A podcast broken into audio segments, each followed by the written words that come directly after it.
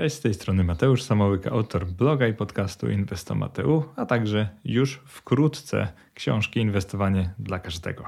Dlaczego już wkrótce? Ponieważ trwa jej przedsprzedaż. W chwili, kiedy nagrywam te słowa, właśnie jak to potocznie się mówi, pękła sprzedaż 5000 sztuk. Jestem naprawdę zaszczycony tym, że tyle osób zdecydowało się kupić tę książkę, bo no wiadomo jak to jest. Jako początkujący autor nikt nie jest pewien, czy znajdzie się zainteresowanie na jego książkę. I sam fakt, że tyle z Was ją kupiło, jest dla mnie ogromnym zaszczytem. Dlatego na początku chciałem bardzo Wam podziękować. Co będzie w tym podcaście, postaram się jak najszybciej. Przeczytam kilka fragmentów książki. Na YouTubie będą też te fragmenty pokazane oraz na stronie sprzedażowej możecie te fragmenty zobaczyć. Także nie będę robił tak, że czytam całe fragmenty, ale chciałem je przeczytać, żebyście może lepiej poczuli, co znajduje się w książce. I to będzie taka nagroda dla tych, którzy ją kupili, y, ale też zachęta dla tych, którzy jeszcze jej nie kupili, bo stwierdziłem, że chciałem po prostu podzielić się trochę z wami jej treścią, żebyście poczuli styl, zobaczyli o czym ona jest i tak po prostu uczciwie, żebyście mogli podjąć bardziej świadomą decyzję. Zacznijmy od fragmentu w rozdziale szóstym, to jest strona 189, czyli jakieś 35-40% książki. To jest y, fragment, który początkuje rozdział o doborze proporcji portfela oraz y, po prostu dopasowywaniu inwestowania do siebie. Główna myśl tego rozdziału jest taka, że dobre samopoczucie, stabilność i spokój ducha są o wiele ważniejsze od wyższej stopy zwrotu z inwestycji. Właśnie dlatego rozpocznę od tego, że Twoja strategia inwestycyjna powinna przede wszystkim pozwalać Ci nie martwić się o przyszłość, a dopiero później generować wysokie stopy zwrotu. W inwestowaniu nie warto ścigać się z indeksem ani z innymi inwestorami, a zamiast tego skupić się na poznaniu siebie i swoich preferencji. Sprawi to, że możliwe będzie dopasowanie takiej strategii, byś był zadowolony zarówno ze stóp zwrotu, jak i z poziomu ponoszonego ryzyka. W tym rozdziale spróbujemy zatem wspólnie małymi krokami dojść do tego, dlaczego chcesz inwestować pieniądze, bo zanim odpowiesz sobie na pytanie jak, musisz zrozumieć swoje dlaczego. Częstym problemem u inwestorów jest wieloletnie błądzenie pomiędzy metodami inwestowania w poszukiwaniu tej, która przyniesie jak największy zysk i zupełne pomijanie innych kryteriów jej wyboru. Ci błędni rycerze inwestowania nie rozumieją, że w pewnym sensie każda, nawet przeciętna strategia inwestycyjna jest dobra, jeśli realizują ją skuteczne ręce i odpowiedni umysł. Nie każdy ma predyspozycję do wszystkich strategii, ale ze względu na ich liczbę, metoda prób i błędów z pewnością nie jest tu optymalna. Zamiast żonglować strategiami i ciągle zmieniać zdanie, przeczytaj kolejne kilkadziesiąt stron i zastanów się nad swoimi pobudkami do inwestowania, sytuacją życiową i preferencjami. Opiszę tu wszystkie czynniki, które powinny wpłynąć na Twój wybór strategii i ustalenie odpowiedniej proporcji akcji do obligacji w Twoim portfelu. Jeśli o mnie chodzi, to wybranie właściwej strategii zajęło mi kilka lat, przez które szedłem bardzo krętą ścieżką inwestowania aktywnego na podstawie własnych analiz. Nie wiedziałem wtedy o tym, że można osiągać dobre wyniki inwestycyjne, nie analizując konkretnych spółek, oraz o tym, że potencjalny zysk jest tylko jedną ze zmiennych, które należy wziąć pod uwagę. Niestety nie zawsze byłem inwestorem skupiającym się na spokojnym i długoterminowym lokowaniu środków w dobrze sobie znane klasy aktywów. Gdybyśmy cofnęli się o kilkanaście lat i gdyby doszło wtedy do naszego spotkania, to zobaczyłbyś pochłoniętego studiami dwudziestokilkulatka, który mimo wszystko próbował aktywnie inwestować na giełdzie. Dodam, że owo inwestowanie było jak na moje możliwości czasowe i wiedzę niezwykle aktywne, co sprawiało, że popełniałem kolejno wszystkie błędy, które początkujący inwestor może popełnić, a mianowicie.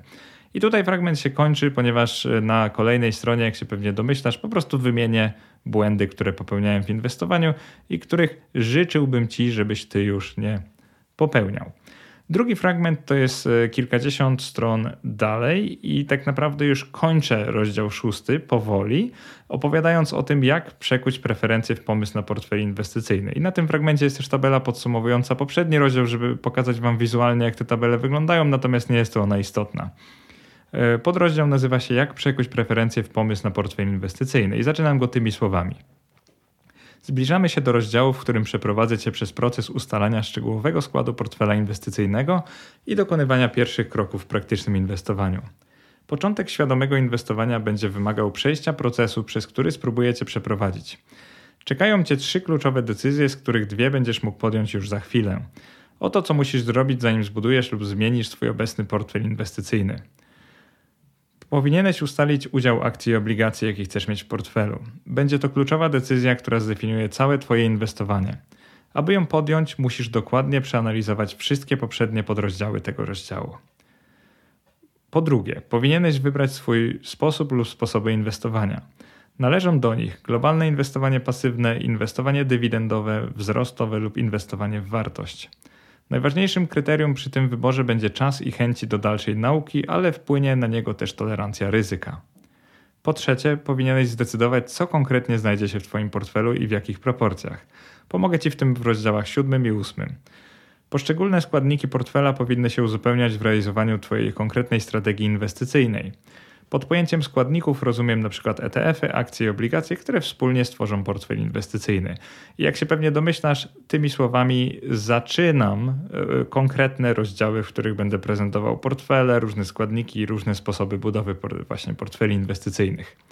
Kolejny fragment, który tutaj wybrałem, jest o zbyt skomplikowanym portfelu inwestycyjnym, i tutaj akurat warto wejść na bloga albo obejrzeć to na YouTube, bo tam jest ilustracja. Tendencja do ciągłego poszukiwania nowych nabytków do portfela dotyczy nie tylko początkujących. Jedynym skutecznym sposobem uodpornienia się na nią jest doświadczenie płynące z próby kontrolowania takiego portfela.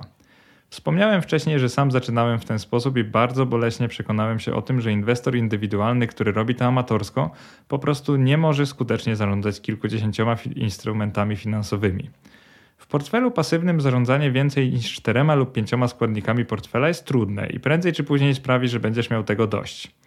Nie zdziwię się, jeśli zdecydujesz się na powrót do korzeni i maksymalne uproszczenie swojego portfela inwestycyjnego do formy jednego z dwóch opisanych przeze mnie wcześniej portfeli bazowych. I tutaj pokazuję przykład portfela, który ma zbyt wiele składników, zbyt małe proporcje i ciężko się nim zarządza. Kontynuując fragment, piszę w ten sposób. Metoda prób i błędów może dawać w wielu dziedzinach życia dobre rezultaty, ale w inwestowaniu najlepiej jest nie komplikować sobie życia już od początku. Błąd w postaci zbudowania portfela ze zbyt wielu składników zwykle wykryjesz już na etapie planowania zakupów na każdym skąd, jeśli prowadzisz też IKE i IGZE. Jeśli nie, to dotknie cię przy pierwszym odchyleniu jego proporcji i próbie zrównoważenia względem ustalonego planu. I oczywiście w kolejnych fragmentach i też poprzednich opisuję takie rzeczy jak rebalancing, równoważenie proporcji i to, jak trudno jest zarządzać takim portfelem. E, teraz na pewno ucieszą się inwestorzy dywidendowi, ponieważ mimo, że książka nie traktuje o inwestowaniu w akcje, także nie ma tu analizy fundamentalnej i nie ma tu procesu budowy portfela akcyjnego, to w rozdziale, właściwie podrozdziale 8.6 opiszę modyfikację e, portfeli w taki sposób, aby to były portfele dywidendowe. Będzie ich dokładnie trzy, a fragment brzmi następująco. Jedną z moich specjalizacji jest tworzenie i opisywanie portfeli dywidendowych, co widać po dużej liczbie wpisów na moim blogu poświęconych tej tematyce. W kontekście ETF-ów dywidendowych szczególnie przydatny jest wpis z ich rankingami. Tam jest link, e, kontynuując fragment, e, ale zamiast powielać tu jego treść, skupię się na podstawach tworzenia portfela opartego na wyspecjalizowanych funduszach dywidendowych. Ten podrozdział przyda się, jeśli chcesz zbudować prosty i skuteczny portfel, z którego regularnie spływające dywidendy będą motywować Cię do dalszego oszczędzania i inwestowania. Wszystkie ETF-y, które wybierzesz do takiego portfela, muszą być typu wypłacającego, w nawiasie distributing, ponieważ w innym przypadku nie otrzymasz żadnych dywidend. Podobny wymóg dotyczy obligacji skarbowych, które zamiast akumulować odsetki powinny wypłacać je okresowo, generując dla Ciebie regularne przepływy pieniężne. Budując portfel dywidendowy, powinieneś zwrócić uwagę na trochę inne parametry niż przy tworzeniu prostego portfela pasywnego, jakie opisałem w poprzednich podrozdziałach. Inwestor dywidendowy, wybierając obligacje lub fundusze do portfela, powinien skupić się przede wszystkim na poniższych parametrach każdego z instrumentów. Pierwszy parametr to stopa dywidendy. Jest nią proporcja rocznej dywidendy do ceny akcji spółki lub ceny jednostki funduszu ETF. Jeśli fundusz kosztuje w ciągu roku średnio 100 zł, a w formie dywidendy wypłacił w tym okresie 4 zł, to jego stopa dywidendy wynosi 4%. Drugi parametr to wzrost dywidend w czasie. W inwestowaniu dywidendowym chodzi nie tylko o to, aby dywidendy były wysokie, ale też by ich wartość rosła w czasie. Kupując fundusz ETF za 100 zł, chcesz z czasem otrzymywać coraz więcej środków z dywidend. Jeśli w pierwszym roku inwestycji otrzymasz w ramach dywidendy 2 zł, to w kolejnych chcesz uzyskiwać coraz więcej, czyli na przykład 3, 4 lub 5 zł. Trzeci parametr to regularność wypłat dywidend lub odsetek w czasie. Nie ma niczego bardziej demotywującego dla inwestora dywidendowego niż przerwa w wypłacaniu dywidend lub zaprzestanie ich wypłacania przez spółkę lub fundusz w ogóle. Powinieneś wobec tego oceniać także regularność i ciągłość wypłat dywidend w czasie. I tymi słowami zaczynam podrozdział, w którym prezentuję kilka modyfikacji dywidendowych dla portfela CTF-ów. Także książka jest też dla inwestorów dywidendowych. Jeżeli myślałeś, że nie jest, no to też są aspekty tego inwestowania znajdą się w książce. I już na sam koniec, żeby pokazać Wam, jak praktyczna jest książka, dałem taki wycinek, stronę 407 z rozdziału 9, w którym opisuję wybór i korzystanie z konta maklerskiego. Tutaj pokazuję, jak wygląda interfejs przykładowego konta dla tych, którzy nigdy go nie widzieli i dokładnie wyszukiwarka instrumentów, czyli jeżeli zaczną wpisywać na przykład CO, to że pokażą się im różne spółki, które zaczynają się na CO, na przykład Coca-Cola, Cognizant, Colgate albo Columbia Banking System. To jest ważne, żeby pokazać Wam podstawy wykorzystywania kont maklerskich. Wiem, że w książce jest to dość trudne do pokazania, ale myślę, że mi to się udało dość dobrze. Oczywiście część z Was już inwestuje i zna te podstawy, ale może mimo wszystko dowiecie się więcej o wyborze takich kont i po prostu ich prowadzeniu. A fragment brzmi następująco. Najpierw pokazuję właśnie obrazek z interfejsem konta, a później piszę w ten sposób. Wyszukiwanie papierów następuje zwykle po nazwie, ale w wielu domach maklerskich można ich szukać także po tickerach, czyli symbolach giełdowych lub po ich kodach identyfikacyjnych ISIN. Wystarczy zacząć wpisywać jeden z powyższych parametrów i konto maklerskie pokaże nam listę dostępnych instrumentów, które spełnią podane warunki. Filtrowanie występuje zwykle także po giełdzie, typie instrumentu oraz walucie notowań, a obecność filtrów jest zależna od wybranego konta maklerskiego. Szczególną uwagę powinieneś zachować kupując akcje lub obligacje firmy, która wyemitowała obydwa rodzaje instrumentów na giełdzie. Przykład dla firmy Kruk SA. Akcje firmy Kruk to jest ISIN, tutaj podaję ich kod, ticker to jest po prostu KRU obligacje, jedna z ich emisji firmy Kruk, no to ISIN jest trochę inny, a ticker jest CRU 1023, czyli tutaj tłumaczę w jaki sposób nie kupić obligacji zamiast akcji, jeżeli jesteśmy początkujący. I kontynuując fragment piszę następująco. Nieuważny klient, który wpisze w wyszukiwarkę samo CRU, ryzykuje, że zamiast jej akcji może nieświadomie kupić jej obligacje lub odwrotnie. Dlatego zawsze polecam filtrowanie także po typach instrumentów finansowych.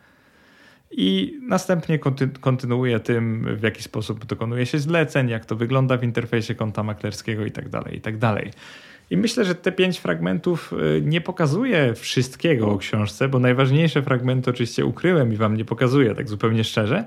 Natomiast pokazuje, jak bardzo jest ona praktyczna, jak wiele moich doświadczeń w niej znajdziecie i po prostu skoro widzieliście pomysł na portfel numer tam bodajże piąty, no to domyślacie się, że, że tych portfeli będzie więcej.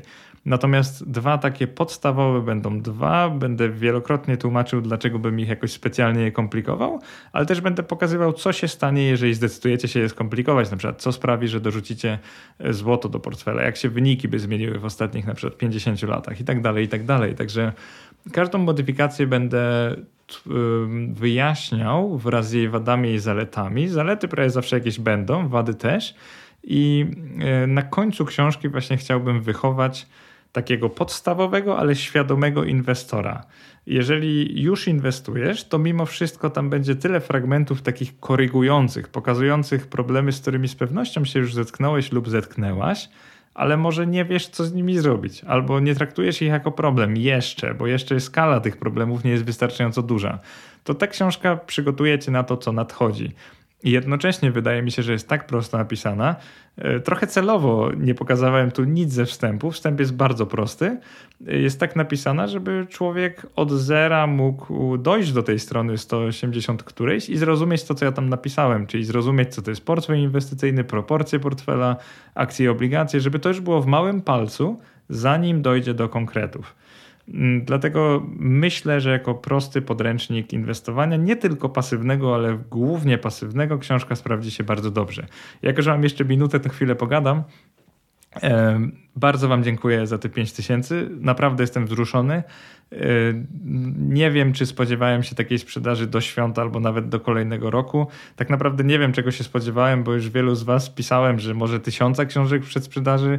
Yy, kompletnie się na tym nie znam. Moje zasięgi też są takie trudne do określenia, bo to wcale nie są jakieś ogromne liczby, więc to, że książkę kupiło 5000 osób, to jest dla mnie absolutny zaszczyt, takie pozytywne zaskoczenie i powiem Wam szczerze, że jeżeli recenzje, które napłyną w grudniu, będą pozytywne, a naprawdę liczę na to, że napiszecie mi recenzję tej książce i że wam się ona przede wszystkim przyda no to zastanawiam się bardzo poważnie, czy by nie pisać kolejnych w przyszłości, bo ambicje e, mam spore, jeżeli chodzi o pisanie książek, pomysłów mam bardzo wiele, tak jak na wpisy, no i po prostu myślę, że mógłbym wydać kilka ciekawych książek, trochę e, cywilizując tę branżę inwestowania w Polsce, bo na razie książki mamy albo zagraniczne, albo dość ogólne, a ja myślę, że ja jestem w stanie napisać dość szczegółowe dzieła. Bardzo Wam dziękuję za przesłuchanie i do następnego. Cześć.